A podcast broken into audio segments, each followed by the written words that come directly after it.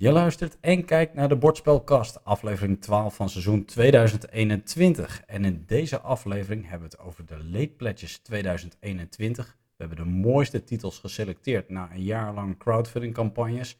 En de man die ons verrast met zijn aanwezigheid, maar ook verblijdt, William, hij zit naast mij. Dankjewel. Ja, fijn dat ik er weer bij kan zijn. Nou, van harte welkom. Dankjewel, dankjewel.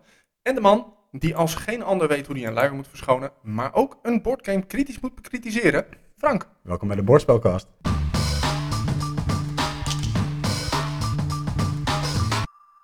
Jeetje, wil dat jij nog aan tafel durft te komen dit keer. Zeker. Ik, eh, het is me gewoon gelukt. Ik, eh, het heeft wat voorbereiding getroffen. Ja, Eh, ja, getroffen, ja. Maar Gekost, ja. gekost, terecht. Maar nee, gelukkig kan ik erbij zijn. ja en al het slaapgebrek, dat breek je niet op?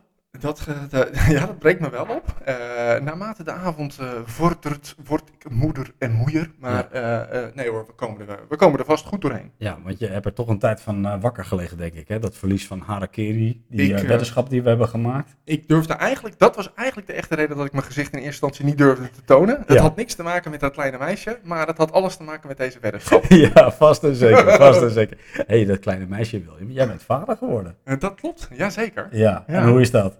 Heel bijzonder moet ik zeggen. Ja? Dat, ja, ik zou er, dacht dat ik er nuchterder over was, maar het is toch een soort, eh, nou ja, het heeft me toch een soort romantisch iets eh, gebracht. Kijk eens aan, kijk eens aan. En heb je die kleine meid ook al meteen nog een bordspel weten te schrijven?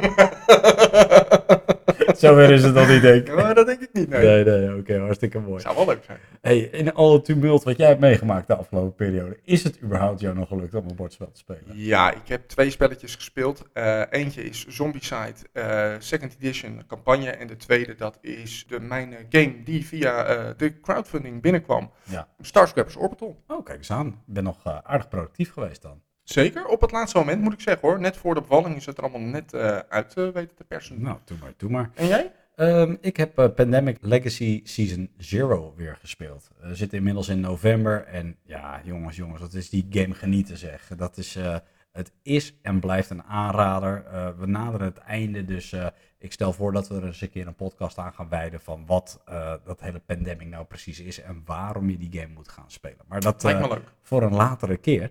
Eh, laten we maar aftrappen met het nieuws, want we hebben een bomvolle uitzending, dus eh gas erop zou ik zeggen.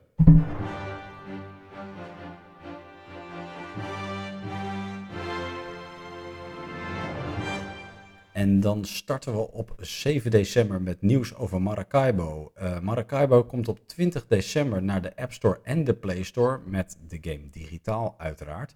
En dat is goed nieuws. Goed nieuws omdat die game ja, geliefd is onder veel spelers. In 2019 kreeg de game zelfs een Golden Geek Award en een Game Award van de Dice Tower. Mhm. En eh, nu kun je die dus op je mobiel spelen. Quick play kun je spelen, solo, multiplayer. Dan moet je je telefoon doorgeven. En je kunt ook de Legacy Campaign Mode op de mobiel spelen. Dus eh, eigenlijk alles wat je wil op het gebied Maracaibo. 9 december. Er wordt een film gemaakt van Weerwolven. En Weerwolven is het eh, welbekende eh, gezelschapsspel dat eh, ooit gereleased is in 2001. Mhm. En die game heeft al eerder een vertolking gehad. Dat hebben we ook wel eens aangehaald in de bordspelcast. Volgens mij Namelijk- was het iemand zijn tip van de vorige aflevering. Ja, ja, ja zeker. De Verraders op RTL 4 en nu inmiddels ook op Videoland. Ehm, dat is een spelshow wat losjes gebaseerd is op Weerwolven. Mhm. Maar nu gaat men ook een film maken van Weerwolven. En dan denk je, nou ja, oké, het zal. Maar eh, een van de schrijvers van Lupin is Ja. eh, ook een tip overigens van de bordspelkast. eh, is daarop ingestapt en die schrijft dus mee aan het script. Dus dat ja, zou toch voor een bepaalde kwaliteit moeten staan. Ja. En wat ik eigenlijk ook wel interessant vond, is dat deze titel in een rijtje komt staan van veel meer bordspellen die naar het witte doek komen. Want ik lees ook dat bijvoorbeeld Catan en Dungeons and Dragons bijvoorbeeld naar het witte doek komen. Mhm. Maar dat er ook series worden gemaakt van eh, bordspellen, waaronder Magic the Gathering bijvoorbeeld. Ja, nou moet ik meteen zeggen, ja, Dungeons and Dragons, daar maken we een, eh, een film van zijn, geloof ik. Hè? Eh, hoe groot wil je het concept hebben? Dat, daar past alles in. Ja, dat is waar. Dat is waar. Ehm, dat Nou, Catan dan. Catan, ja, ik heb geen idee wat ik me daarbij moet gaan voorstellen. En ja, ik ga nu denk ik heel veel mensen in de knieën schieten. Maar een kaartspelletje dat we allemaal kennen, Pokémon, eh, daar is natuurlijk ook een, eh, dat, dat was dan officieel eerste serie en daarna een kaartspel. Maar Ja. Magic the Gathering, kaartspelserie? Ja, of ja, ja, ik mag het niet zeggen, maar ik denk het wel. 10 december. Warhammer 40k krijgt na 10 jaar een vervolg. En Warhammer 40k uh, Space Marines is een game geweest. Op uh, de Xbox 360 was dat destijds bijvoorbeeld. En op de PC volgens mij ook. Mhm. En uh, na 10 jaar radiostilte komt daar een vervolg op. En dat is uh, goed nieuws, want uh, die game die deed het hartstikke goed. Destijds uh, trok Captain Titus tegen de Orks ten strijde. En nu is er een nieuwe CGI-trailer te zien waar diezelfde Captain Titus tegen de Tyranids aan het vechten is. En deze game lijkt een beetje op Gears of War, dus het is third, third person. Ja. Van stotteren bijna. Third person, waarin je shootouts hebt, maar ook met je chainsaw bijvoorbeeld inderdaad door die Tyranids heen aan het zagen bent. Wanneer die komt, dat weten we nog niet, maar hij wordt in ieder geval beschikbaar voor PS5, Xbox X, Xbox S en de PC. Wat, wat is er gebeurd met de Stadia? Die staat er niet tussen. Snel naar de volgende. 13 december, Gloomhaven, de Miniature Collection, is aangekondigd. Uh, Cephalid Games, hè, de, de, ontwikkelaar van Gloomhaven, maar ook Ja. Forget, uh, Forgotten Circles, Jaws of the Line en Frosthaven, Mhm. komt met een miniaturencollectie voor die games. En dat uh, gaat men naar zeer grote waarschijnlijk ook weer op een crowdfunding uh, platform brengen. Ja. En uh, ja, goed, dat, dat gaat ongetwijfeld een hoop kijkstrekken. Hè. Dan laten we nog even teruggrijpen naar um, Frosthaven. Ja, dat is nog tot op heden de best gebekte campagne ooit op Kickstarter geweest. Wat bordspellen betreft dan. Hey Frank, nou hadden we het, voordat we de aflevering starten, hadden we het er al even kort over deze game. Ja. Uh, of over dit, dit, dit concept eigenlijk. Mm-hmm. Is dit nou een game of is dit gewoon iets wat ze gaan uitbrengen? Ja, iets wat ze gaan uitbrengen. Alleen maar miniaturen, dus het wordt geen game. En sterker nog, ik ken niet alle titels hiervan. Hè. Frosthaven is nog niet uitgegeven bijvoorbeeld. Forgotten Circles en Jaws of the Line, daar ben ik nog niet aan toe. Ik zit nog steeds in Gloomhaven.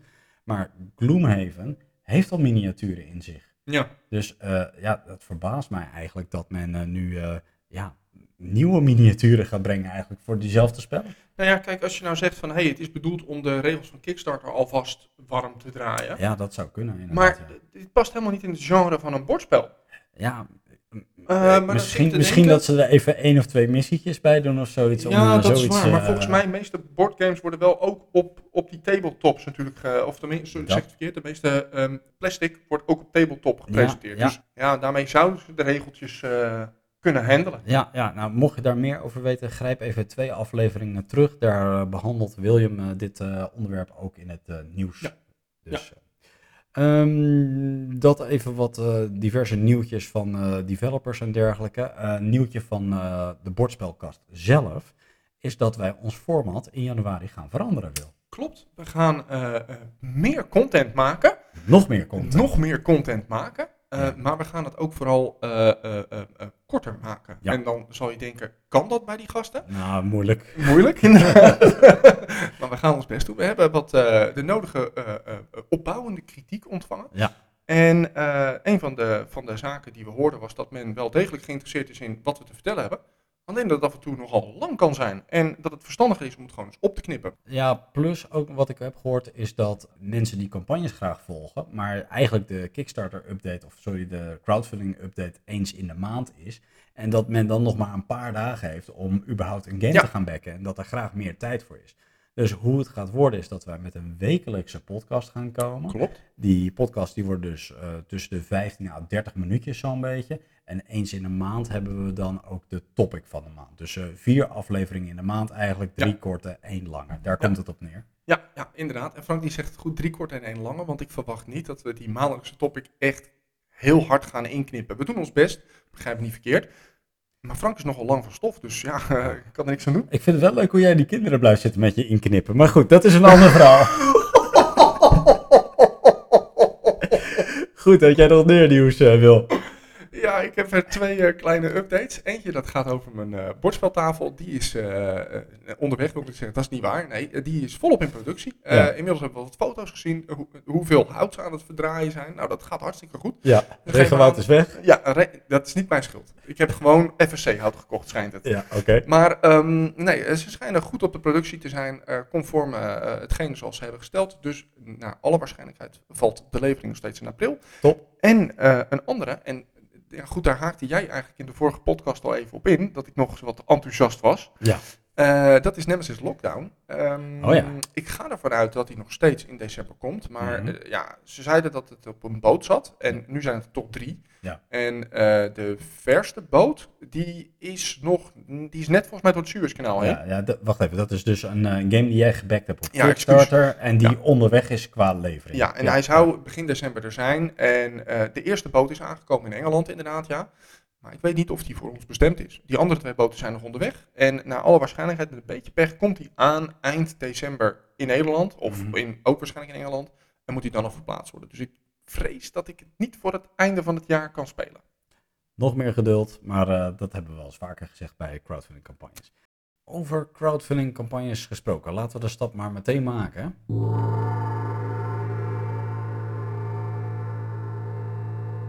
Naar de campagnes van de afgelopen periode. Let op, dit zijn crowdfunding campagnes ingegeven op de smaak van de Spesnaflex boardgame community. Dus we behandelen de meest volwassen en de meest, eh, ja, ehm, Leuke games. leuke, voor ons. leuke games. Ja, absoluut. Ja. En eh, die splitsen we even op in afgelopen campagnes, lopende campagnes en toekomstige campagnes. Ja. Om te beginnen met afgelopen campagnes. Pathfinder Arena is geëindigd. Ja. En dat is eh, geen groot succes geweest. Ik zie de tranen nog in je ogen staan.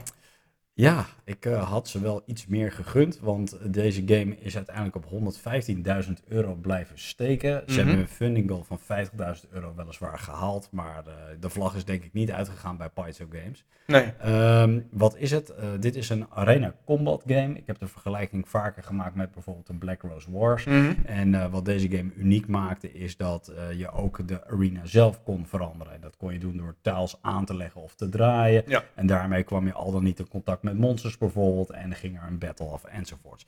Op zich een grappig idee. Alleen, ehm, ja, ik ben bang dat het niet uit de verf is gekomen. En dat de backers ook niet echt eh, duidelijk hebben begrepen wat deze game nou behelst.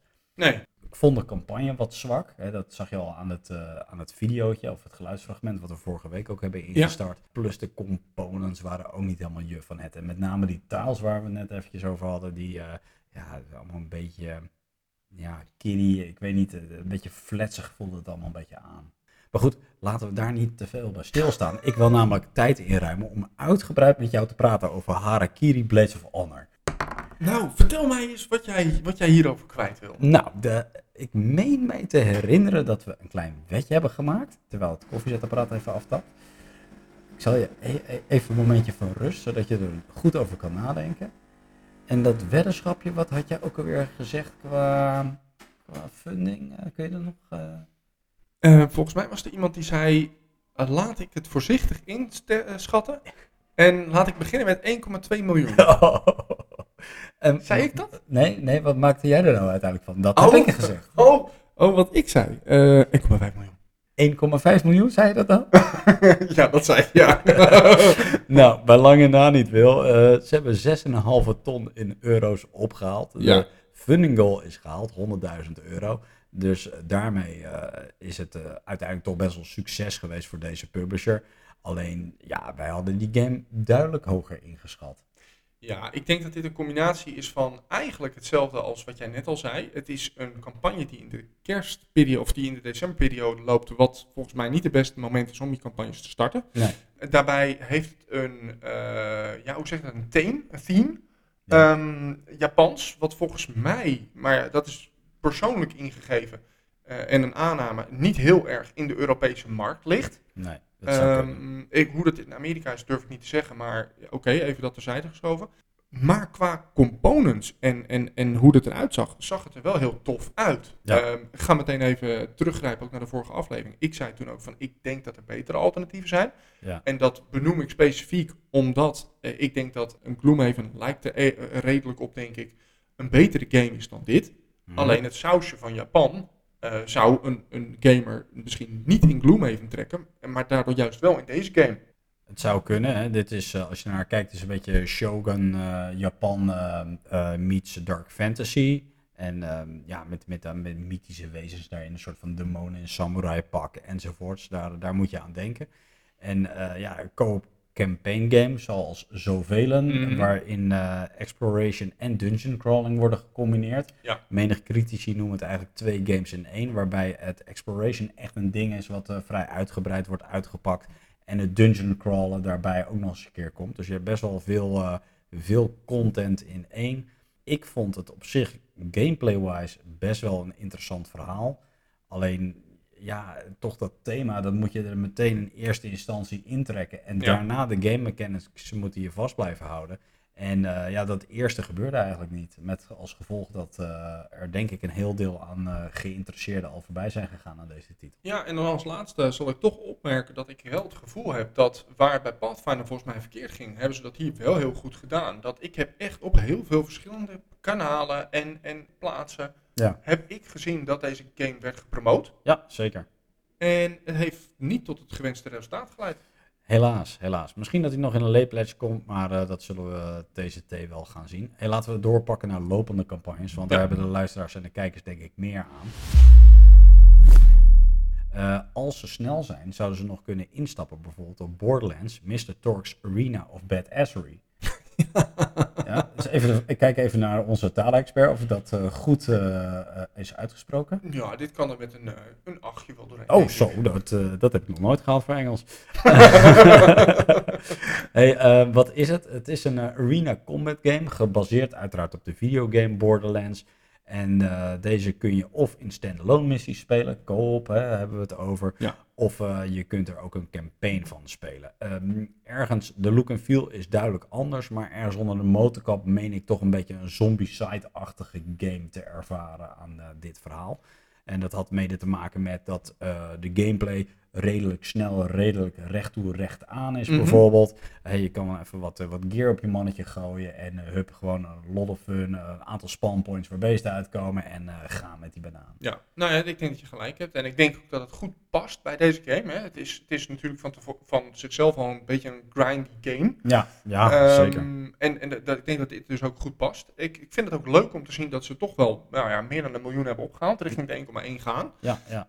Ja, zitten we natuurlijk wel in de PC-wereld. Dus ik hoop eigenlijk dat dat wel, eh, ja goed, dat het genoeg spelers in deze markt blijft trekken. Ja, ja goed. eh, Wat, eh, wat kun je kopen? Nou, eigenlijk zijn er maar twee pledge niveaus. Je hebt een basic pledge van 85 dollar. Daarmee krijg je dus de base game. En als je iets verder gaat dan voor 135 dollar, dan krijg je de, de base game met alle stretch goals en ook nog wat expansions. eh, Skags at the Gates expansion heet dat.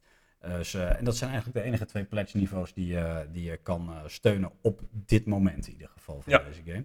De campagne loopt tot en met 23 december, mocht je geïnteresseerd zijn. Ja. Dan nog een lopende campagne, Ancient Blood, The Order of the Vampire Hunters. Eh, daar hadden we het vorige keer ook over. En eh, ja, deze game is nu al live op GameFound. Eh, we zeiden vorige keer, ik zei vorige keer, herstel, onterecht dat dit een Boss Hunter game was. Nou, Mhm. dat is het niet. Ook dit is weer een co-op campaign game waarin je eh, gaat dungeon crawlen. Ja. Maar dan uiteraard in het vampieren thema. Leuk, tussen twee aanhalingstekens, is wat anders. Waar het me enigszins aan denkt, is Bloodborne. Dat is, zit volgens mij ook een beetje in dat vampieren eh, thema. Ja, die look and feel heeft het zeker. Ja. ja. Ehm, volgens mij is het goedkoper geprijsd dan Bloodborne. dat, eh, dat, eh, dat hoop ik inderdaad. Ehm, je hebt wel verschillende pledge niveaus hier. En ik moet zeggen, dat begint toch best wel pittig hoor. Op 135 dollar heb je de eerste Mm. pledge, dat heet de Hunter Pledge. En dan eh, kan je al vrij snel verder gaan. Je hebt nog een Slayer Pledge voor 180 dollar. En daarin eh, zitten eh, de core game, maar ook de expansions bijvoorbeeld bij. Misschien een aardige om volgende keer eens eventjes ja, bij de laten we horens te daar eens vatten. wat, wat verder bij stilstaan.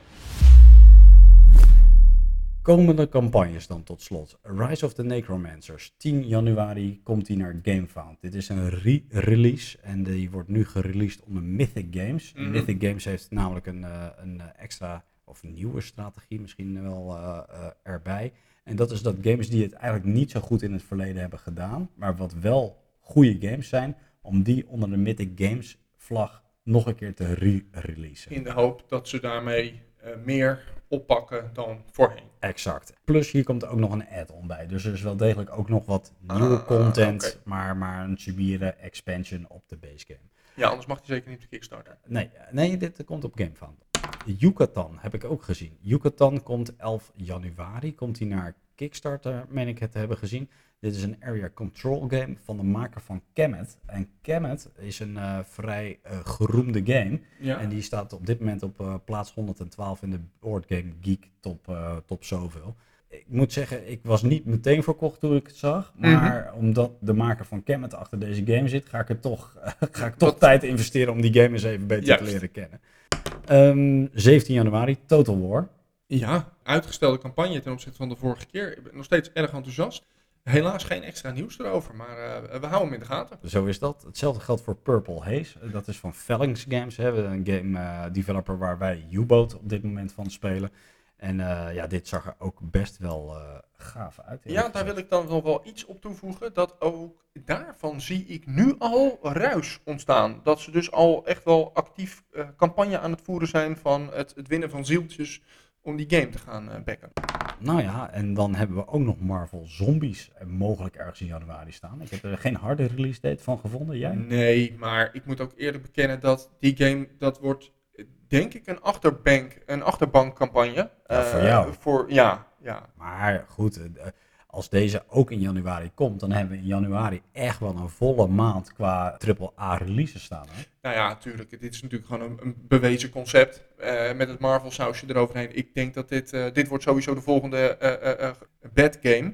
Ja. Want ja, ik, nou, maar dit is een leuke game. Omdat ik denk dat Europeanen hier minder opspringen dan Amerikanen. Dus Nou ik ben benieuwd hoe ver ze het kunnen Oké, trekken. oké, maar we wachten even tot die live is voordat we je voorspelling. Oké. Wat, wat? Ja, ja, ja. Eh, goed. Topic van de maand, late pledges. Ja. Hè? We hebben nu eh, een aantal eh, dingen genoemd die, eh, die lopen of gaan komen natuurlijk Ja. op de crowdfunding campagnes. Maar als je eh, pledges hebt gemist, en dat kan, want het is natuurlijk al maar gelimiteerde tijd op een crowdfunding campagne. Zeker. Of eh, crowdfunding platform moet ik zeggen. Dan heb je bij sommige games nog wel eens de kans om een late pledge te doen. Ja, en om ze even met de deur in huis te vallen. Waarom eh, doen men, doet men dat? Of wat zijn de nadelen van een late pledge? Nou, eh, nadelen zijn er niet zozeer. Maar eh, een nadeel kan zijn is dat je op een late pledge wacht. Omdat je op dat moment bijvoorbeeld geen geld hebt om in een campagne te stappen. Mhm. En dat er geen late pledge komt. Dat kan. Het is niet gegarandeerd dat een developer met een late pledge sowieso gaat komen. Eh, nee, dat klopt. Maar ik heb wel een, een nadeel. En dat is dat wanneer je aan een late pledge doet, dat je vaak een hogere prijs betaalt dan tijdens de originele campagne. ja dat, dat klopt. Maar dat gaat ook nog ineens in alle gevallen op Nee, dat nee, nee, nee, nee eh, vaak. Maar het, het is een risico. Dus, dus eh, de, Ja. eh, tuurlijk, je kan, eh, je kan niet elke game iedere keer kopen. Nee. Eh, de portemonnee zegt ook wel eens ho. Ja. En eh, het is dan jammer dat je inderdaad extra moet betalen voor een late pledge. En een ander nadeel is dat je met een late pledge vaak langer moet wachten op je game. Ja, en maak ook het onderscheid tussen late pledges en eh, pre-orders. Dus Ja. bij late pledges heb je nog wel, eh, loop je nog wel mee met, de met de pledges. Alleen je krijgt een vrij hoog pledge nummer. Dus eh, meestal wordt dat in chronologische volgorde afgewerkt. En Ja. dan krijg jij dus de laatste vracht, de laatste boot met containers. Daar zit jouw materiaal vaak in. Ja. En bij pre-orders is het zo dat inderdaad het hele pledge verhaal is afgelopen. En dat jij met de retailers samengeleverd krijgt. Ja, want dan, dan wordt ook zelfs letterlijk geloof ik gezegd van... oh, die retailer is in de buurt en die gaat hem ook aan jou leveren. Ja, dat, eh, dat komt zeker voor, absoluut. Dus eh, een late pledges, eh, lang niet voor alle games, maar ja, voor eh, grotere games is vaak die mogelijkheid is er. En zeker voor games die in development zijn, zie je vaak dat er late pledge opties zijn. Hè? Dus eh, eh, als een game eh, de eerste twee levels zijn ontworpen en de rest gaat na de campagne gebeuren, ja, dat zijn bij uitstek de, de games waar je op kan late pledge. Ja. We hebben twee top 5'jes gemaakt. Eén top 5 gaan we een beetje sneller doorheen en de ander staan wat uitgebreider bij stil. We hebben die eh, top 5 hebben we onderscheiden in eh, games waar we zelf op zijn ingestapt. Mhm. En we hebben games geselecteerd waar we niet op zijn ingestapt. Ja. En let op, eh, de opname van deze podcast is van 14 december. Wij kunnen niet garanderen hoe lang de late pledges nog zijn Nee. openstaan. Dat, Nee. dat scheelt per developer. En het kan zomaar zijn dat er een week voor dato een aankondiging komt van oké, prima, na een week gaat die dicht, klaar. Klopt. Laten we eens beginnen met games die, die wij gebackt hebben. Ja. Nee, eh, Oh, ja, ja, ik- maar, ik- oh, maakt ja. het heel spannend. Eh, ja. Drumroll, please, eh, bijna. Ik, ik zit rustig te kijken. Ik denk, eh, ik, ik laat natuurlijk degene beginnen die dan ook de game heeft gebackt. Ah, oké. Nou, dat, dat ben ik. Ik heb op, op nummer 5 Oros staan. Ja. Oros is een, een wat kleiner spel. Het is een player versus player spel waarin je de goden gaat eren. En dat doe je ook door te gaan terraformen. Dus je moet eilanden maken. En die eilanden die moeten eigenlijk zo hoog mogelijk groeien. Zodat je zo dicht mogelijk bij de goden eigenlijk komt. Mhm. Daar krijg je punten voor. En dat is een heel ingenieus systeem. Nou, we hadden het net over Pathfinder bijvoorbeeld. Dit lijkt daar heel erg op. Want je moet tiles moet je bewegen en kantelen en doorschuiven. En doordat stukken aarde tegen elkaar komen, eh, ja, hoopt het zich op en ontstaan er heuvels. Heuvels worden bergen, nou, enzovoorts, enzovoorts. Het is een heel vernuftig principe. Het is een wat kleiner spelletje, nogmaals, ook van een kleinere publisher overigens. Was dit Eh, niet van die kerel die alles deed? ja, ja, inderdaad. Ja. Van, het- van het artwork tot de components, tot, eh, tot de regels, alles inderdaad. En ehm, ja, dit, dit, dit, hier sprak zoveel liefde uit dit project, omdat Ja. het gewoon nog puur is. Het is geen eh, multi, multi, multimiljonair company wat erachter zit, die eh, de, de zoveelste marketingpraat eruit gooit. Ja. Dit voelde nog zo puur dat ik daarop ben ingestapt. Eh, het was ook een eh, kleinere funding eh, wat men heeft opgehaald. Mhm. Men heeft uiteindelijk bijna 3 ton in dollars opgehaald. Maar men had ook maar 20.000 dollar nodig, blijkbaar, om het te gaan maken. En de pledges waren er ook naar. En de pledges waren er ook naar, want het begon bij 50 dollar, begon een standaard pledge. Ja. En die kun je dus nog steeds eh pledgen op dit moment. Dus mocht het jouw interesse hebben, dan, dan check dat zeer zeker. Ik ben er voor de deluxe pledge ingegaan, dan was ik eh 75 dollar kwijt. Maar ja, het is gewoon een heel schattig leuk gamepje. Die overigens ook verschillende onderscheidingen heeft eh, gewonnen. En dan heb ik het nog niet eens zozeer over andere kanalen die gefund zijn om die game te pushen. Maar echt een, eh, een, eh, een eh, onafhankelijke onderscheiding van hoe goed die game is. Hey, en als ik dan toch overstag ga en ik doe met jou mee, ik ga deze game backen. Mhm. Wanneer zou ik hem dan alsnog kunnen verwachten? Ehm, de oorspronkelijke release date was oktober 2022. Ik eh, weet op dit moment niet of dat ze op target lopen. Vaak zie je pas meer tegen het einde van de campagne van hey, we gaan het halen of niet. Dus eh, oktober 2022 is nog te ver weg om eh, nu, nu al te zeggen van we gaan het halen of niet. Nee, nee, ik moet een beetje lachen, want ik denk, ja, er zijn ook publishers die doen het redelijk dicht bij de levering. Ja, ja, ja, ja, ja. Op nummer 4 hebben wij een, eh, een, mooie titel staan. Ja. Eh, ja, ook eentje. En dan geef ik daarna eindelijk het woord aan jou. Eh, Six Siege. Ja. Een van onze inmiddels eh, meer favoriete publishers van Mythic Games. Daar zijn ze weer. Ehm, ja, zijn met Six Siege gekomen. En dat is een game die gebaseerd is op de Tom Clancy eh, reeksen. Ja. Hè, met Splinter Cell en al dat soort game, games. En ehm, ja, dit is een tactische 1 versus 1 player game. Waar je één eh, kamp hebt wat de defender speelt. En een ander kamp wat de attacker speelt. En eh, je hebt dan een missie van eh defuse de bom bijvoorbeeld. Of gijzelaars bevrijden enzovoorts. En ja, de ene club probeert dat te verwezenlijken, terwijl de andere het probeert te voorkomen. Ja, want het is een team versus team, zeg maar. Als, Ja. als één speler tegen één speler, Ja. die meerdere poppetjes bestuurt. En Exact. inderdaad, wat jij zegt, er zitten verschillende missietypes in. Dus defuse de bom, of eh, rescue the hostages, of... eh, nou ja, goed, dat, dat zijn een aantal... Kill them all. Kill them all inderdaad, ja, dat wilde ik niet meteen zeggen, maar inderdaad. De, de game zelf, jij hebt hem gebackt. Eh, hij bracht minder op dan we hadden gedacht. Ja. Dus twee aanhalingstekens. Dat klopt. Ehm, je krijgt heel veel plastic in deze game. Dus op zich, qua waarde, zit je wel goed, denk ik. Ja, qua- ja als plastic nog een keer wel hoop waard wordt, inderdaad. Ehm, ja, dat klopt. Maar dat, eh, dat komt ook omdat men de variatie met name uit de verschillende mannetjes heeft proberen Ja. te halen. Ja. Dus in andere games zie je vaak van, nou, we voegen extra levels toe of extra equipment of wat dan ook. En Six Siege is heel duidelijk voor extra mannetjes gegaan. En elk mannetje heeft zijn eigen eigenschappen. Dus de ene is heel goed in close combat bijvoorbeeld. En de volgende is goed in granaten gooien. En nou ja, zo heb je allemaal specialismes. Ehm, ik ben dus ook voor een smooth operator pledge gegaan. Waarin je zoveel mogelijk van die mannetjes hebt. En waar je Mhm. zoveel mogelijk van die variatie eh, kan krijgen. Ja, en, en- en ik, wat ik eigenlijk gaaf vind aan deze game is dat het eh, eh, best wel makkelijk is om op te pikken. Hè? Mhm. het, eh, het heeft weer een soort van complexiteit, zombie-side-achtig. Maar eh, heeft wel meer tactische diepgang. Hè? Want je kunt bijvoorbeeld coveren achter bepaalde dingen. Je kan een muur doorbreken. Je, de defender mag voordat een game begint, mag je bijvoorbeeld allerlei defensive structures neerzetten. Een Camera's plaatsen, camerasysteem. ja. Eh, en dat maakt het echt gaaf. Ehm, die, die, die defender die heeft ook hidden movement, zolang hij niet detected is bijvoorbeeld. Hè. Dus die attacker die ontdekt pas later van, oh ik sta nu in de keuken van een huis en daar staat inderdaad een tegenstander al dan niet.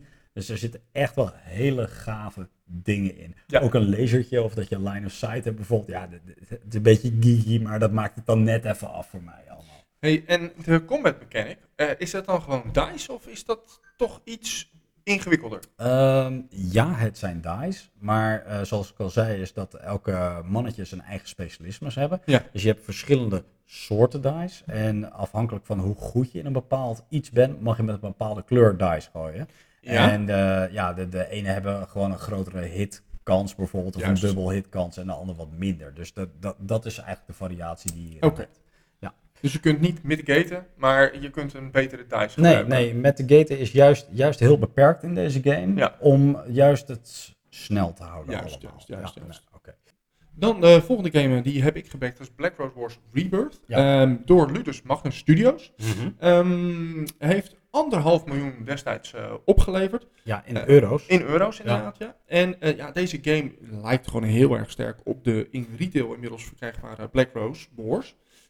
Alleen het is eigenlijk een omgedraaid verhaal. Dus waar je bij Black Rose Wars alle kamers moet vernietigen, moet je ze in dit geval opbouwen om de special abilities van die kamers te gaan gebruiken. Ja. En je gaat nog steeds gewoon battelen tegen de mages.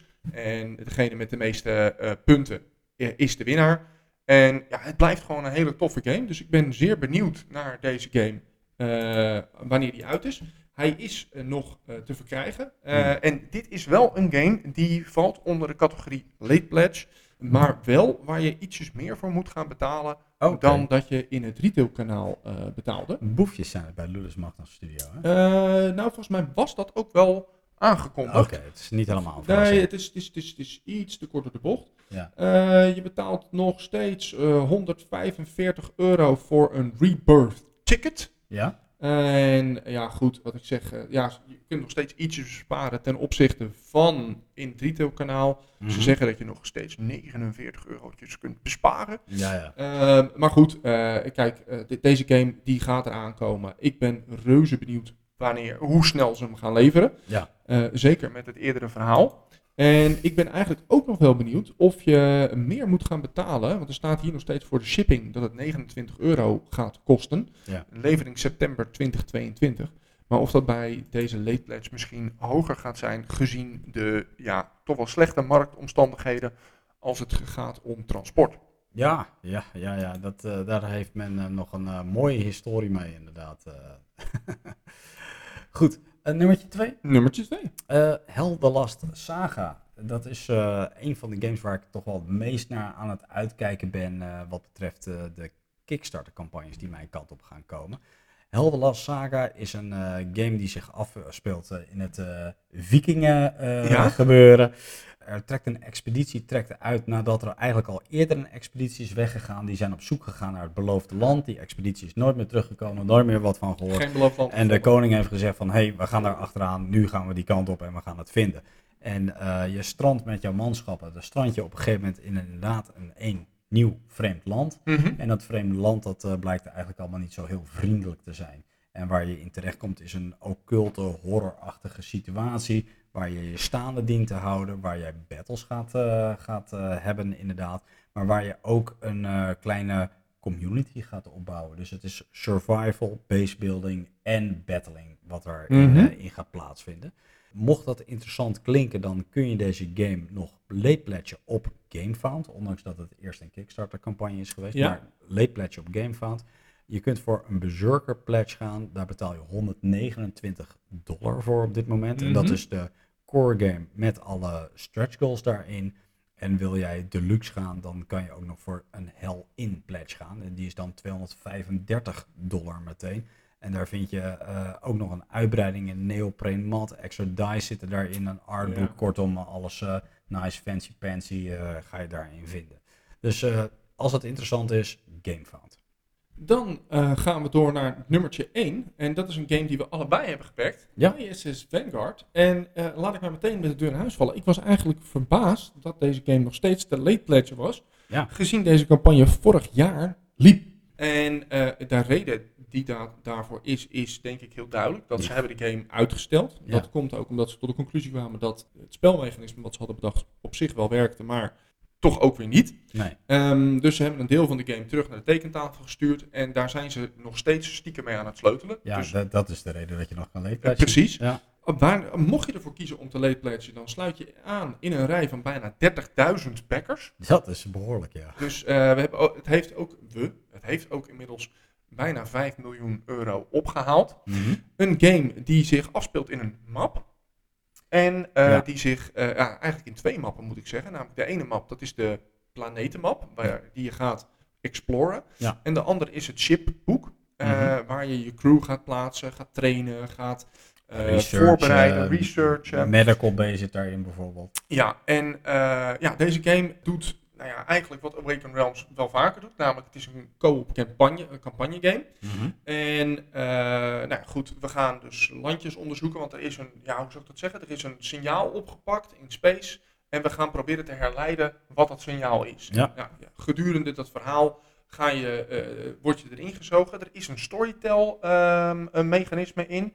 Eh, dat werkt met codes, dus je hebt straks geen boek meer nodig, maar je kunt gewoon codes intoetsen van, nou ja, bijvoorbeeld code 484. Nou, dan in een app of iets in een app inderdaad. Ja, ja. ja, ja. En dan wordt het stukje tekst toegelicht van, oké, eh, dit, dit is er aan de hand. En dat is best wel prettig, want ehm, ja, wij spelen ook een andere game van, eh, van deze ontwikkelaar. Mhm. En dan eh, moet je altijd even het juiste nummertje bij het, eh, erbij pakken. En het is mij één keer overkomen dat ik per ongeluk het verkeerde eh, eh, voorlas. Omdat Mhm. ik het, de twee getalletjes door elkaar heen haalde. Ik Ja. kan het nog steeds met het intoetsen. Maar eh, ja, goed, het, het, het, het- het- dit vind ik leuker klinken. Ook omdat, hoewel ik misschien goed ben in het corrigeren van mijn mede-host, ben ik niet per se veel beter in het uitspreken. Oh, wat een, wat een eerlijkheid allemaal. Ehm, ja, space exploration eigenlijk Ja. wat jij zegt. En eh, die, eh, die mappen waar je doorgaat, binders noemen ze dat bij Awaken Realms. Die ene binder met die planetenmap, dat zijn dus eigenlijk allemaal ja, borden eigenlijk. Hè? Dus speelborden in een, eh, ja, in een boekwerk. En die andere is inderdaad een, eh, echt een soort van multimap waar je eh, kaarten insteekt en die je dan de slots kan opschuiven totdat ze op een gegeven moment uit een soort van timeline komen omdat de dingen geresearched zijn of dat je mannetje hersteld is van blessures enzovoort. Dus denk ik wel hele leuke, vrij vernieuwende game mechanics eh, die, eh, die ook nog eens een keer in een hele toffe setting worden verweven. Klopt. Mocht je nog geïnteresseerd zijn, dan kun je de core pledge nog steeds oppakken voor een schappelijke 99 dollar. En ben je dan toch nog niet helemaal uitgekeken, dan kun je de Dreadnought pledge, de all-in doen. En dan ben je 249 euro kwijt. En waarom krijg je dan nog extra? Dan krijg je een eh, personal files van de poppetjes die op je, eh, in, je, in je schip kunnen zitten. Ja. En dat heeft als voordeel dat ze één extra level kunnen levelen. Ja, ja, dit hebben we ook al bij ehm Tennis Grill gezien bijvoorbeeld, dit soort eh, grappen. Dus dat, eh, dat herhalen ze gewoon op deze titel. Ja, ja, goed. Ik ben ervoor gegaan. ik ben Ja. hier een stuk eh, schappelijker in geweest. Eh, ik heb de, de gewone corebox gepleegd voor 99 eh, dollar. Nou, chapeau. Hartstikke goed. Mooi. We gaan, we gaan door. We, dit, nogmaals, dit waren de games waar wij achter hebben gestaan, waar we dus geld in hebben gestoken. We gaan nu schakelen naar games waar, ja, waar we niet hebben gebackt, maar wat niet per definitie slechte games zijn, toch, Wil? Nou, niet per definitie slechte games. Nee. Jij hebt, dit- jij, je, hebt hier een naam tussen staan, eh, Divinus. Nou, slechte game is misschien overdreven, maar ik zag hem ertussen staan en toen dacht ik, Frank, waarom zet je nou Divinus ertussen? Oké, oké. Maar goed, je, je, je, je, je maait al wat gras weg. Laten, laten we gewoon... Met de top 5 hoort het zo dat je onderop begint en dan naar nummer 1 toe gaat, weet je wel? Dus, eh, Ja, maar ik kan ook heel slecht eh, inschatten hoeveel een campagne oplevert. Dus dit, dit, dit, gaat, dit gaat in dezelfde orde van grootte. Oké, goed. Laat ik eens losgaan. Ik begin namelijk op nummer 5 bij Divinity Original Sin. Helemaal niet Divinus, maar Divinity Original Sin. Dit is een eh, co-op eh, eh, campaign exploration game. Een adventure game, zo je wil. Gebaseerd op inderdaad Divinity, eh, de computer game. En dan Mhm. Divinity, het tweede deel. Daar is deze game op gebaseerd. Eh, het is eh, van Larian Studios LLC. Dat is dus ook de ontwikkelaar van die, eh, van die computer games. Die Mhm. dus nu met het bordspel komen. En eh, ja, die, die bieden deze game aan. Ehm, even voor wat er te koop is. Er is een standard edition is te koop vanaf 120 dollar. Mhm. Dan kun je naar een premium edition gaan en dan eh, krijg je ook wat eh, extra minis krijg je erbij. En je hebt nog een extended edition heb je staan, maar het start bij 120 dollar. En ik heb voor het gemak even niet eh, opgeschreven wat de rest kost. Maar ik meen dat de extended edition 220 dollar is, zeg ik even uit mijn. Game biedt ruimte van 1 tot en met 4 spelers. En zoals gezegd, het is een koop campaign game waarin je miniature combat hebt en waar je bepaalde plaatsen gaat exploren en waar je een verhaallijn met elkaar doorheen gaat. Het verhaal is hier echt wel, ligt hier vrij dik bovenop het hele verhaal.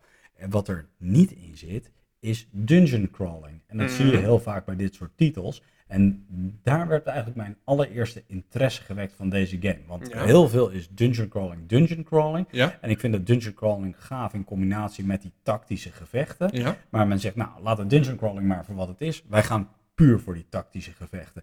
En daar zitten echt wel hele toffe mechanics onder. Je hebt een aantal action points die je kan besteden. Eh, dat kan je doen door gewoon simpelweg een wapen te pakken en daarmee te slaan en daarmee klaar. Maar je hebt ook special abilities. En dat is heel erg afhankelijk van welk karakter je speelt. Maar laten we Mhm. even zeggen dat je een fighter bijvoorbeeld zegt. Dan kan je ook een bash bijvoorbeeld doen. En met een Ja. bash kan je iemand tegen de grond aanstoten. Met als gevolg dat die tegenstander één beurt jou mag niet mag aanvallen omdat hij Ja. weer moet opstaan. Maar die bash die heeft een cooltime. Dus je kunt die bash niet oneindig vaak achter elkaar doen. Maar je moet hem bijvoorbeeld op slot nummer 3 stoppen. En dan heeft hij drie turns de tijd om Ik weer bij het. te gaan komen. Ja. En ik vind dat eh, eigenlijk gewoon een heel slim. Het is heel simpel, maar wel een hele slimme, leuke mechanic. Om jouw special abilities niet overpower te maken. Mhm. Maar wel op een manier dat je ook niet, weet ik veel, eindeloos veel experience of mana of wat voor een rotzooi er ook in hoeft te Ja, stoppen. ja. Dat het weer makkelijk beschikbaar bij jou komt. En dat je zo heel slim probeert te spelen met elkaar. Ik vind dat heel tof. Wat, er ook, wat mij ook heel erg aanspreekt is dat dit, eh, het heeft wel table presence. Maar je hoeft niet oneindig veel components allemaal op tafel te leggen. En nog meer. En nog een bakje met tokens. En nog weer Mhm. een map tile. En nee, het- volgens mij zet je dit redelijk snel op. En Ja. je kan lekker gaan spelen. Klaar. En eh, dat, eh, dat spreekt me enorm aan aan deze game. En wat is dan toch de reden dat je zegt, het spreekt me enorm aan, maar het sprak je niet genoeg aan? Nou, dat, eh, op, destijds omdat ik daar niet in eh, me voldoende had verdiept. Eerlijk is eerlijk, want er komt ook af en toe zoveel content uit dat je niet alles kan oppakken. Mhm. Ehm, maar ik, ik had deze game eigenlijk op nummer 1 willen zetten.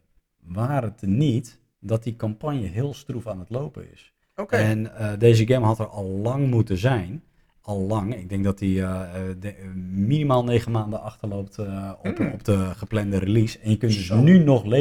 Hè? Dus, en dat zie je ook wel in de updates. Hè? Bij Kickstarter schrijven, schreven ze normaal gesproken maandelijkse updates. Ja. Op een gegeven moment de ene laatste update of de tweede laatste update, dat zat al iets van drie maanden tussen. En bij de laatste update zes maanden. En de backers beginnen zich ook behoorlijk zorgen te maken over de continuïteit in het hele verhaal. Eh, de laatste update ging er ook over van, nou ja goed, we hadden een boek met vijanden en we hadden een boek met, eh, met story. Mhm. Nou, daar maken wij één boek van bijvoorbeeld. Dus eh, hier worden kosten gereduceerd waarschijnlijk om het allemaal haalbaar te maken. En dat terwijl er toch eh 1,8 miljoen dollar is opgehaald voor deze hele campagne. Maar ik denk dat dit, ja, ik denk dat dit niet zo heel positief verloopt op zich. Ik denk dat er wel geld in de, dit bedrijf zit, mede dankzij die, eh, die computergames die Ja. men maakt. Dus het zal er wel komen. Maar ik denk dat men met de kaasgave over de kwaliteit aan het gaan is van oké, prima, er moeten kosten gereduceerd worden, er moeten kosten gereduceerd Ik worden. snap hem. Dus vandaar op nummer 5. Ik, eh, ik had, als ik niet die Kickstarter updates had gelezen, had ik er misschien wel ingestapt in dit hele verhaal. Oké, oké. Hey, eh, dan gaan we door naar Voidfall. Ja, En ja, laat ik dan maar zeggen waarom ik deze game nog niet had ge gepledged. Want eh, dit is ook een game die wel degelijk bij mij hoog op mijn interesselijst eh, ja stond. zeker. Ja. Het was tweeledig. Ten eerste waren wij bij de start van de campagne waren wij in Spiel. Mhm. Dus ik heb ook het een en ander gemist. Ja. Ten tweede eh, eh, hebben wij een game die op deze game lijkt. Mm, ja. Ja, ja eh, dit, dit is een nog moeilijkere eh, eh, eh, variant. Eclipse hebben wij. Ja. Eclipse inderdaad, ja. Mhm. Ehm, wat behelst deze game dan? Dat is misschien ook wel handig om mee te beginnen, William. Nou, eh, in, in deze game gaan we eh, ook weer de ruimte in. En eh, we gaan area control doen. Mhm. En in deze game, eh, om dan even terug te grijpen naar Eclipse, heb je meer components om rekening te houden dan met Eclipse. Eclipse is redelijk stroomlijnd in de zin dat Zeker. uh, je kan ervoor kiezen om de game iedereen gelijk te spelen of met de asymmetrische rassen te spelen. Mhm. In deze game durf ik niet te zeggen of je iedereen gelijk kunt stellen. Volgens ja, mij volgens mij heb ik wel starring races. Oké. Ja. Maar deze game is, is, is gewoon ja, nog uitgebreider eigenlijk dan Eclipse. En daarmee is dat voor mij ook best wel lastig. Want ik denk dat Eclipse is al een game die gemiddeld genomen mensen wel kan interesseren, maar best wel lang duurt. Mhm. En dat Eclipse ook nog best wel een hoge moeilijkheidsgraad heeft. Maar deze nog wel hoger. Maar deze nog wel hoger inderdaad, ja. Deze nog hoger, ja. En kijk, Eclipse is alles redelijk, ook qua components zelf, niet heel erg bijzonder. Nee. Deze game is nog minder bijzonder, vond ik zelf. Ja, dat ben ik niet helemaal met je eens. Ik vond die game er wel erg goed uitzien. Waardoor ik afhaak is eigenlijk de hoge mate van complexiteit van die game. Eh, Het, eh, het zegt het is een 4X game gemengd met Euro components. Dus Ja. heel veel micromanagement en eh, ja, je, je economietje bijhouden en daar ook heel erg veel mee bezig zijn. En ja, ik heb filmpjes zitten kijken. Ik vond hem ook behoorlijk complex. Heel veel iconen zie je allemaal. Dus je moet eerst weten hoe je die iconen allemaal moet lezen. Ja. En als je dan een turn maakt, dan heb je een soort van actiekaarten. Op die actiekaarten staan drie dingen die je dan mag doen. Dus je mag iets bouwen bijvoorbeeld. En je mag dan een movement doen en nog iets. Dus het zal wel zo zijn geconstrueerd dat twee van de drie dingen wil je graag doen en het andere bijvoorbeeld niet. En daar moet je steeds je acties mee maken. En eh, ja, er is zoveel te doen. Alles levert punten op, hè, waar het Mhm. uiteindelijk om gaat. En dat maakt het denk ik eh, vrij onoverzichtelijk ten opzichte van een Eclipse. Bij Eclipse zie je vaak toch wel vrij goed op het bord wat er gaande is. Hey, die, die sector levert heel veel punten op. Ja. Dus de, de eigenaar van die sector is de lul, daar ga ik heen, want die ga ik even veroveren. Dat gezegd hebbende, de game is nog steeds te pledgen. En Ja, de standaard zeker. box is al voor 80 euro op te pikken. En er is ook nog een deluxe versie Ja. voor 150 euro. Ja. En het verschil met de, eh, de gewone is volgens mij dat je hier meer plastic weer krijgt. Alles wordt even geupgrade ten opzichte van eh, wat de base game heeft. Meer plastic, extra dice en dual layered boards. Ja, ik wilde ook net zeggen, als ik al in deze game zou instappen, dan zou ik wel voor deze pledge gaan. Want dual layered boards is echt zo fijn om mee te spelen. Absoluut. Ik wil nog één moment terughalen uit een eerdere podcast. Toen heb ik je gevraagd deze game ten opzichte van Eclipse, als je geen van beide zou hebben. Toen zei je heel overtuigd, ik ga voor Voidfall. Ja, Ik denk, ik heb nu echt deze titel in, in detail bekeken. Ik blijf bij Eclipse. Dat is de betere game. ik denk dat ook. Eh, hoewel ik wel moet zeggen dat ik echt wel zie dat er muziek zit in deze game. Oh ja, dat zeer zeker. Het is ook geen slechte game. Hij staat hier in onze top 5. Eh, maar goed, er zijn wat mij betreft betere games. Ja, oké. Nummertje 3. Nou, dan ben je er eindelijk. Divinus. Ja. eh, of Divinus. een game van Lucky Duck Games. Ja. Ehm, nou ja, William die, eh, die gaf al een klein hintje dat deze game het iets minder goed heeft gedaan dan de vorige titels. klopt. Eh, deze titel haalde 360.000 euro zo'n beetje op. Komt ook omdat de pledge levels ietsje lager waren, maar goed, dat terzijde. En wat doet deze game? Nou, dit is een player versus player legacy game die tile laying combineert met dice rolling. Deze game die ehm, eh, vertelt het verhaal tussen de Griekse goden die worden aangevallen door de Noorse goden. Ja. En jij staat er een beetje tussenin. Jij hebt als doel om als demigod ook op te klimmen tot god. En Mhm. eigenlijk moet jij beide kanten bespelen om tot dat niveau te gaan komen. Dus Ja. je moet soms voor de gunsten van de goden strijden.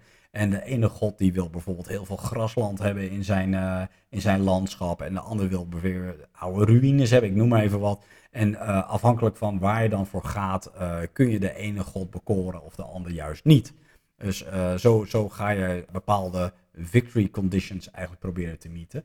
Wat het aardige is, is dat deze game ook gedreven wordt door een app. Dus die houdt alles bij. En die game die bouwt net zoals een pandemic bijvoorbeeld op in complexiteit. Dus het begint inderdaad als een vrij simpele tile-laying game waar nog niet zo heel veel aan de hand is. Maar hier ga je 12 games van spelen van deze game. Ja. En dat groeit natuurlijk naarmate je verder gaat. En eh, ja, die Griekse god, die heeft nog in gedachten dat hij de vorige keer genaaid is door jou. Dus die zal je dit keer ook niet helpen bijvoorbeeld. Dus dat, dat blijft hangen in die game. Ja.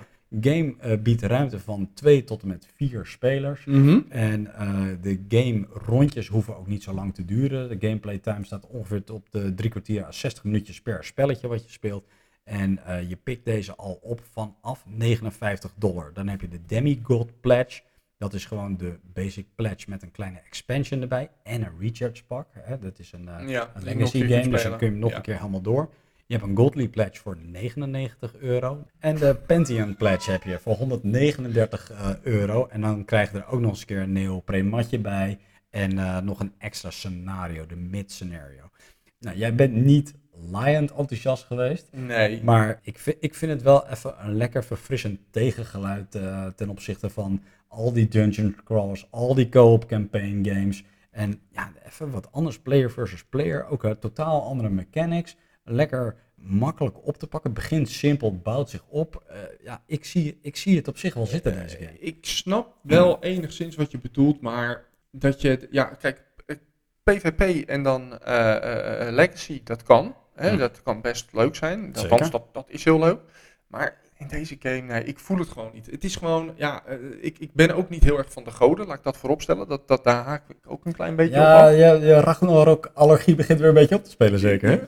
Nou ja, ook een klein beetje. Maar nee, ja, gewoon, ja, ik, ik, ik- ook als ik ook kijk gewoon naar deze game, het, het, het, het- ik vind het nou niet echt lekker eh, ademen. Art ziet er toch gewoon goed uit? Nou ja, nee, ja, het is gewoon niet mijn stijl. Laat ik het dan maar daarop houden. Ik ben niet, niet enthousiast over deze game. Het, niet tijdens de campagne geweest en nu nog steeds niet. Ik, ik, ik voel het gewoon niet. Ik voel niet waarom deze game zo spannend is. En ik denk dat, als ik kijk naar het opgehaalde bedrag, dat meer mensen dat wel met mij eens zijn. Eh, dat is waar, dat is waar. Ja, en ik denk zelfs dat Lucky Ducks daar, eh, er ook zo over denkt. Dat die game meer had moeten doen. Nou, mocht je nog niet de put in zijn gepraat door William, dan eh, kun je altijd nog eh, in ieder geval op GameFound kijken. Daar is de game te late pledge. Laat dan maar een titel pakken waar jij enthousiaster van wordt, alsjeblieft. Ja, Darkest Dungeon. Dit is een game die van een PC-game afkomt. Eh, dat past wel een beetje bij jouw gezellige, vrolijke stijl, hè? Die Darkest Dungeon. eh. Zo ziet mijn woonkamer eruit. ja, precies. Een, eh, een game van Mythic Games heeft, had eh 5,6 miljoen dollar opgehaald. Mhm. De game is 1 tot 4 players. Het is een co-op campaign, dungeon crawler, grid-based movement en eh, dice-driven miniature combat. Een hele toffe game om te zien. Laat ik dat Zo. vooropstellen. Table presence, all over the place. ik wou net Ja, zeggen, all Ja, over the place. dat is, al, dat is natuurlijk gebaseerd ook op die computer game Darkest Dungeon. En ja, dat artstijltje is zo fucking gaaf gewoon. En dat, dat hebben ze zo knap weten te herformuleren naar miniatuur. Dat is, dat is echt geweldig wat men daar heeft gedaan. Ja, deze game die is eh, te pledgen voor 100 dollar voor een core box met Mhm. stretch goals. Ja. En eh, een Crimson pledge van 150 dollar en daarbij een core box en een Crimson count expansion. Ja, dat is één expansion inderdaad die erbij zat. En dan kon je nog verder inderdaad. Ja, eh, voor 330 eh, dollar kon je die Ancestral Pledge doen. Een core box en vijf add-ons, inclusief die Crimson Cord Ja. en eh, overige stretch goals. Deze game die zuigt je op en in. Terwijl als ik kijk naar die Venus, ja, een beetje plat, een beetje saai, een beetje... eh, ja, nee, nee, nee, te licht. Ja, dat, nou ja, goed. Dit, dit is inderdaad wel van een andere, andere categorie. Dit is wel inderdaad, hier moet je invested zijn. Hier ga je tijd in steken. Ja. hier ga je echt al lange campagnes van spelen. En zeker als je die al in pledge gaat doen, dan ga je echt uren spelen. Ik, ik herken dat ook. Ik speel de game ook op de PC. En Ja. deze is punishing. Hij is moeilijk. Hij eh, heeft niet een extreme verhaallijn. Dus het is wel meer een eh roguelike dungeon crawler. Dat is allemaal best wel tof gedaan. Ik vraag me af of je hier echt invested in gaat worden. Omdat je, ja, je hebt niet een extreme uitgebreide verhaallijn. En je hebt ook eh, permadeath op je karakters. Dus op een gegeven moment heb je een gelevelde knight bijvoorbeeld. En ja, hij, of hij wordt heel onspeelbaar omdat je allerlei, eh, eh, ja, allerlei vervelende dingetjes op hem krijgt. Hij wordt eigenlijk daardoor ja, min of meer onspeelbaar. Of hij gaat dood en dan moet je weer opnieuw met een ander karakter gaan spelen. Ja. En dat zijn dingen die ik minder tof aan deze game vind, om eerlijk te zijn. Nou, daar kan ik me wel bij voorstellen. Dan heb ik nog wel een ander iets dat deze game zou origineel uitgeleverd moeten worden in november 2020. Eh, we hebben november 2021 reeds gepasseerd. Ja. Ook daarbij weer, natuurlijk, het zijn Kickstarter games, dat kan vertraagd worden. Eh, we zaten net nog even snel te kijken, de update van de playtesten is klaar. Mhm. vind ik rijkelijk laat. Ja, dat, dat is dus zo. En dat, dat, dat zal misschien ook wel eh, eh, invloed hebben op de late pledges. Dat dat eh, binnenkort gesloten gaat worden. Dat men echt gaat produceren. Ja. Aanhakend op wat jij zegt, Mythic Games is wel een van die bedrijven geweest die ook echt campagne na campagne na campagne heeft lopen gooien. Eh, Six Siege hebben we net van hun behandeld. Heldenlast zaken hebben we behandeld. Nou, deze weer. Ja. ja, er zijn zoveel campagnes van hen uitgekomen. Ze moeten zoveel leveren ook allemaal. Ik kan me wel voorstellen dat dat, eh, dat dat heel veel vertraging geeft. Omdat ze gewoon te veel hooi op hun vork hebben zitten. Nou ja, het is dus een hele goede studio, laten we dat erop stellen. Maar inderdaad, Mhm. ehm, ik denk dat er inderdaad keuzes zijn gemaakt in welke game prioriteit heeft en, Ja. eh, en welke game minder prioriteit heeft. Mhm. Ja, zou ik deze game morgen alsnog gaan pledgen? Nee. Eh, en waarom? Eh, ik denk dat we in deze categorieën, dungeon crawler, heel veel hebben. Ja, en deze game doet heel veel goed. Eh, voegt een paar unieke elementen in. Onder andere het randomly generated dungeon dingetje Mhm. wat men doet. Ook de stance is heel erg belangrijk van je mannetjes. Je hebt bijvoorbeeld een attacking stance, maar ook een defending stance Ja. enzovoort. Dus welke, eh, ja, je- waar plaats je je mannetje? En voor elke rang zeg maar is maar één plaats ook. Dus je moet wel een eh, offensive of defensive stance nemen. Ja. Uh, dus dat zijn best wel unieke conceptjes die daarin zitten. Alleen, ja, ik mis de verhaallijn. En dan denk ik van, oké, je gaat echt uren in deze game ste- steken. Is het niet, wordt het niet een te veel een herhalingsoefening? Hè? De reward is op een gegeven moment dat je bij dat nieuwe stukje verhaallijn komt. En dat, dat ontbreekt nou net in deze game voor mij. Misschien heb ik dan een, eh, nog een betere titel. En wel erg sterk in lijn van deze game. Want ook dit is weer een eh, co-op campaign dungeon crawler game. Ja. En dan heb ik het over Chronicles of Drunagor Age of Darkness Apocalypse. Ehm, deze game is een, eh, een standalone add-on op een campagne die men al eerder heeft gedraaid hè, voor Chronicles of Drunagor, maar dan alleen Age of Darkness. Mhm. Ja, dat eh, is eh, een game die in 2019 eh, ruim een half miljoen dollar destijds ophaalde op Kickstarter. Daar is nu dus een nieuwe campagne voor gedraaid op GameFound. Met deze nieuwe standalone add-on erbij, maar je kon ook de oude delen kopen. En dat haalde destijds al bijna 1,6 miljoen dollar op. Ja, deze game hebben wij, ik denk dat het drie maanden geleden is alweer, dat we deze game Ja. hebben behandeld. Ja, zeker. En eh, toen waren we er erg Ja. in geïnteresseerd. En ik moet zeggen, ik ben nog steeds wel geïnteresseerd. Die game die kun je nu in late pledge oppakken vanaf 95 dollar. Mhm. Maar dan koop je alleen de Apocalypse base pledge koop je dan. Hè? Dus dat is wel standalone wat je Ja. meteen kan spelen. Maar nog, eh, ja, nog een beperkte hoeveelheid Mhm. content. En van daaruit kun je veel verder gaan. Je kunt de oude game kopen voor 115 dollar bijvoorbeeld. Je kunt een eh, all-new content pledge hebben. Nou, dan ga je over naar 270 dollar toe. En dan heb je nog meer, nog meer, nog meer, nog meer. In ieder geval. Tot aan de Master in voor 570 dollartjes. Ja, ja dit, dit, hier kan je behoorlijk, eh, behoorlijk wat centjes op kapot slaan. Maar Ehm, deze game had dan ook wel iets unieks. ja, dat, en ja. eh, met het unieks bedoel ik eigenlijk, goh, hoe noemden ze dat ook? Die darkness die achter je aancrawlde? ja, ja dat, dat sowieso. Dus eh, je loopt door een dungeon heen, maar je moet ook nog een soort van haast maken. Want eh, ja, het pad wat je hebt afgelegd, dat raakt corrupted. Ja. En dan eh, daar moet je aan zien te ontkomen. Dus er is wel een soort van stuwing naar, naar het Ja, einde van de dungeon. Ehm, En deuren. En inderdaad, die deuren, dat vond ik ook een, een machtig concept. Want je ziet dus niet in één keer de volledige dungeon voor jou liggen. Er zijn delen afgeschermd en na het einde van een dungeon kom je bij een deur. En die deur, dat is een soort, ja, je moet het een beetje vergelijken met een soort van mini-foldertje. Die moet je Mhm. openvouwen. En dan, als je hem openvouwt, zie je pas hoe je het volgende deel van Ja. die dungeon moet bouwen. En welke enemies daar zitten enzovoorts. Vind ik wel heel erg tof. Het is eh, heel tof. Het is ook volgens mij vrij snel nadat deze game is uitgekomen, was er een andere game die hetzelfde snel eh, had bedacht over die deuren. Oké. Maar eh, heel uniek. Ja. En eh, juist leuk, omdat een nadeel van een, een dungeon crawler toch over het algemeen is dat je al een beetje ziet Ja. waar je naartoe moet. Ja, als je het scenario aan het bouwen bent, Ja. dan zie je dat. Hè. Eh, lees Gloomhaven bijvoorbeeld. Ja, degene die de storybook bij zich heeft, die, die, die ziet eigenlijk al waar alle treasure ligt en waar alle enemies worden gespand. Dat is natuurlijk niet helemaal fair ten opzichte van de andere spelers. Wat ook wel aardig was, is dat hier eh, 3D terrein in zit. Mhm. Eh, maar goed, ik kan me nu voorstellen dat je nog denkt van, ja, oké, is Bestaat. leuk. Het zijn details op een dungeon crawler. Waar die game zich echt onderscheiden was dat dit niet eh, een card-based uh, battle systeem was. Dat het niet echt een uh, dice battle systeem was. Maar dat het meer een action selection battle systeem was. Want het werkt dat je verschillende abilities op je character hebt. En dan heb je ook weer de klassieke fighters en de sorcerers en, enzovoorts.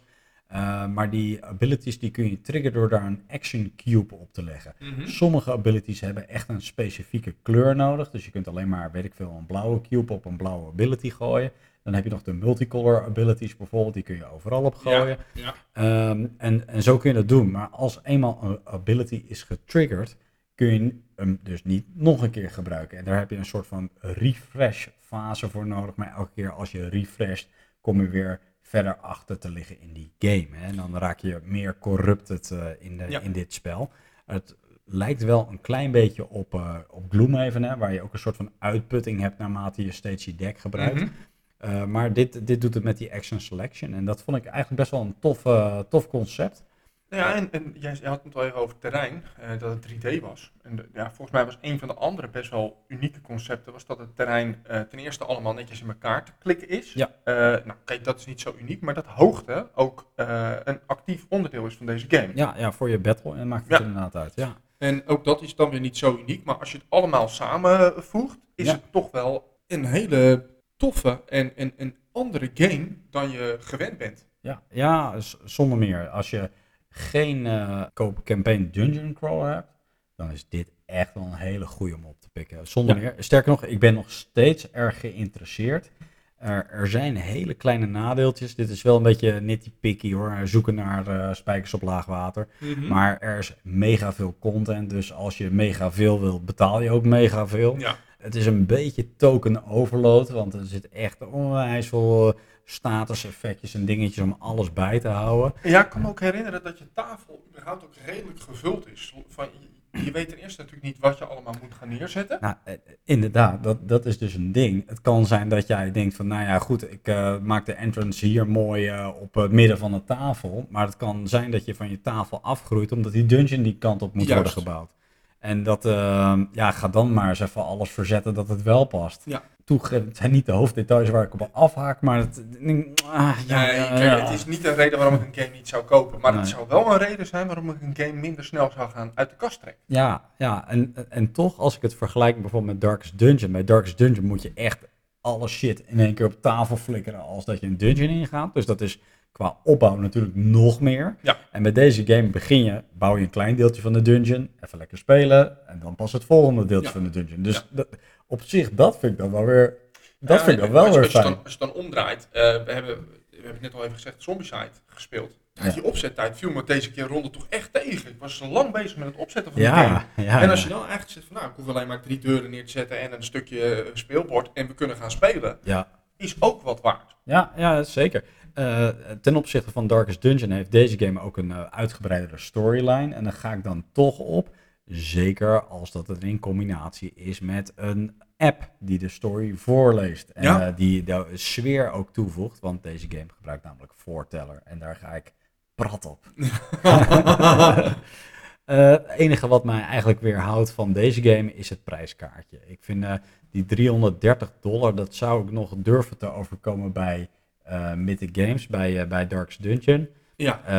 ja, hier zou ik dan toch verleid zijn om all in te gaan. Maar ja, ik vind, ik vind het gewoon te duur. Ja, ik snap dat je het zegt. Uh, en als je dan inderdaad gaat voor de Master All-in voor 570 dollar, ja, dan ja. denk ik dat er onder verschillende games er betere games zijn. Dus ik zeg, deze game heeft alles onder één hoedje. Ja. Uh, als je het dan even lossplitst en, en, je kijkt dan naar het totaalbedrag en je kunt er misschien twee andere games voor kopen. Dat zou kunnen, ja. Uh, dan denk ik dat die twee games precies hetzelfde doen als wat deze game doet. Alleen ja, dan speel je twee games in plaats van deze game. Ja, nou ja, goed. En ben je een paar euro minder kwijt. Joh, als uh, die staatsloterij einde van het jaar nog een keertje valt en er blijft wat geld aan de strijkstok hangen, dan zou ik best willen gaan. Nou, mooi. Dat is een uh, knap lijstje, denk ik. Ja? Met, uh, met kwalitatief echt ontzettend goede titels. Uh, dit is echt... ja, op die Venus na dan. ach, ach.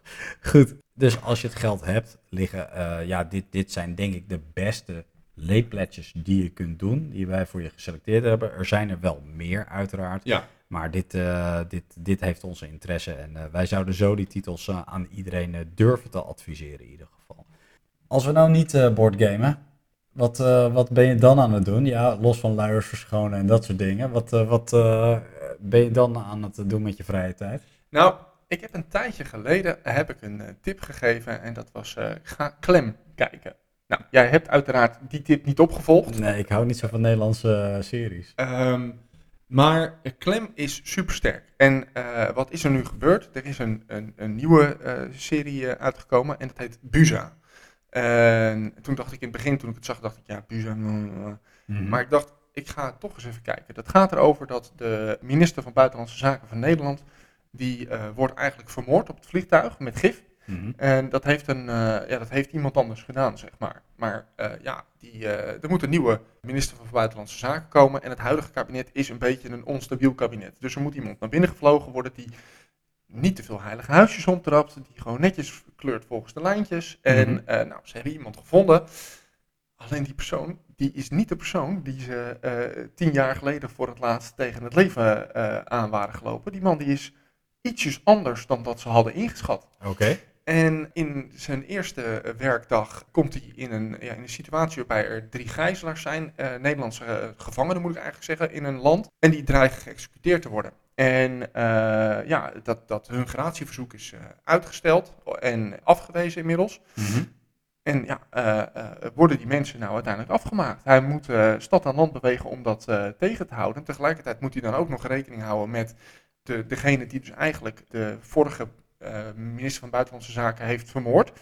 Maar die man die heeft gelobbyd voor een bepaald stukje wet in Europa. En Hmm. die mogelijke moordenaar, die zit ook in die Raad van Europa. Dus hij moet nu gaan stemmen eh, eh, tegen, ja, eigenlijk voor het voorwerp, voor iets waar die andere persoon ook mee te maken heeft. Zonder dat hij met het idee mag geven dat er wat aan de hand is, dat hij wordt verdacht. Dus, en ja, ik moet zeggen, eh, Clem was een serie waarbij je eigenlijk op het puntje van je stoel zit, ondanks dat het een Nederlandse serie is. En bij deze, ook nu weer, ja, die man die is alcoholist en daar komen ze achter. En die heeft een, een, een, een bijna dodelijk ongeluk veroorzaakt in zijn tweede werkdag. En dan gewoon allemaal wat er gebeurt om die personen heen. En nou dreigt hij ontslagen te worden door de minister-president. En de- hij zegt gewoon, nee, ik accepteer dat niet. Ik ga gewoon lekker door mijn werk Waar, waar, kijk je, waar kijk je dit op? op NPO. NPO. Op NPO. En ik moet echt zeggen, ja, eh, ik ben best wel een fan van eh, Jacob Derwig. En die speelt in Clem. Eh, daar speelt hij de hoofdrol en hier speelt hij de bijrol in. En eh, hij is, ik vind hem heel goed. En ook nu weer, ja, echt een hele toffe serie om te kijken. Nou, je, je gaat helemaal eh, los hierop, dus het, Ja, ja. het enthousiasme komt in ieder geval Ja, over. ik, ik heb de afgelopen vrijdag heb ik die aflevering dus gemist. ja, Vanwege de geboorte. En, Ja. eh, ehm, je bent nog boos op je kind. Nee, nee, nee. maar ik zit eigenlijk nu iedere keer dat ik denk van, kunnen we, kunnen we, Ja, ja, kunnen we ja. nog afkijken? we moeten snel een punt aan de podcast breien. Ik hoor het al, ik hoor het al. Goed, ehm, ik heb ook een kijktip. En eh, dat is een kijktip voor Wheel of Time. Dat is een serie die nu draait op Amazon. Ze zijn nu de eerste, het eerste seizoen zijn ze aflevering voor aflevering aan het vrijgeven. Eh, op het moment van casten zijn er zes afleveringen te zien. En dit is een serie die gebaseerd is op de boekenreeks van Robert Jordan. Wat is het? Nou, het, is, eh, het speelt zich af in een, eh, in een fantasywereld waarin eh, een, een draak of de dragon gereïncarneerd is. En de dragon heeft eigenlijk alle macht in handen, want die zorgt eigenlijk dat het of goed gaat met de wereld of dat het slecht gaat met de wereld. Het toffe is van die serie is dat het, voelt een beetje als Lord of the Rings aan. Dus het is heel veel fantasy, er komt magie in voor. Het zijn vijf mensen die aan het ontdekken zijn wat hun krachten zijn. En de ene is wat meer ja, battle-based en de andere is wat meer ehm, ja, spiritueel gebaseerd. En die, die mensen die worden opgepikt door een sorceress. Die is onderdeel van eh, de Aes Sedai, als ik het goed zeg. En die wil eigenlijk dus die dragon uit die vijf mensen proberen te selecteren. Want ze weten niet precies wie het is. Ze moeten eigenlijk nog die krachten ontluiken van die mensen die, eh, die geselecteerd zijn. En eh, ja, die, die proberen ze naar een bepaalde hoofdstad te krijgen. Maar in die hoofdstad is net als bij Lord of the Rings allerlei intriges. Er zijn allemaal mensen met bepaalde belangen die aan die mensen proberen te trekken enzovoort. En zo eh, ontvouwt zich dat verhaal. Het is uh, een enorme productie voor uh, Amazon volgens mij. Uh, dat ziet er echt fantastisch uit. Ook de vergezichten die je bijvoorbeeld in die serie hebt. Met, met, met fantasy landschappen of enorme grote steden bijvoorbeeld in idyllische plaatsen. Het ziet er fantastisch uit. De cast is echt goed gecast. En ja, het kijkt gewoon ontzettend lekker weg. Het is echt Lord of the Rings light voor mij om, om het weg te kijken. Oké. Okay. En die kijk je dus op Amazon? Amazon Prime, ja.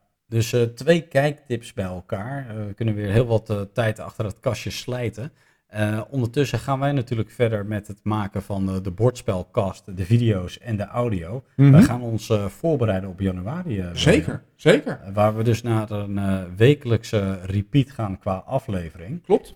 En een van de dingen die heel hoog op onze prioriteitenlijst staat, is Stellar Expedition. Jazeker. Ruud uh, gaan wij zeer binnenkort spreken om daar de opnames mee te maken. Dus daar uh, gaan we begin van het jaar mee aftrappen. Ja. En zullen we ook met, uh, met, ja, beginnen ook met weer een crowdfunding update. In ieder geval begin van het jaar. Wij wensen jullie in ieder geval een heel prettig uiteinde. En prettige feestdagen die er nog aan vooraf gaan. We hopen dat jullie geïnspireerd zijn door onze late pledges. Dat kun je misschien niet onder de boom leggen. Maar is wel een goede investering voor het jaar daarop waarschijnlijk. Hopelijk. Ja. Hopelijk. Um, in de tussentijd kun je ons checken op Facebook, op YouTube en natuurlijk op Spotify. Uh, check zeker ook de andere afleveringen die we hebben gemaakt. Zeker. En dan uh, hopen we jullie uh, in het nieuwe jaar weer gezond en gezellig terug te zien bij onze podcast. Tot dan.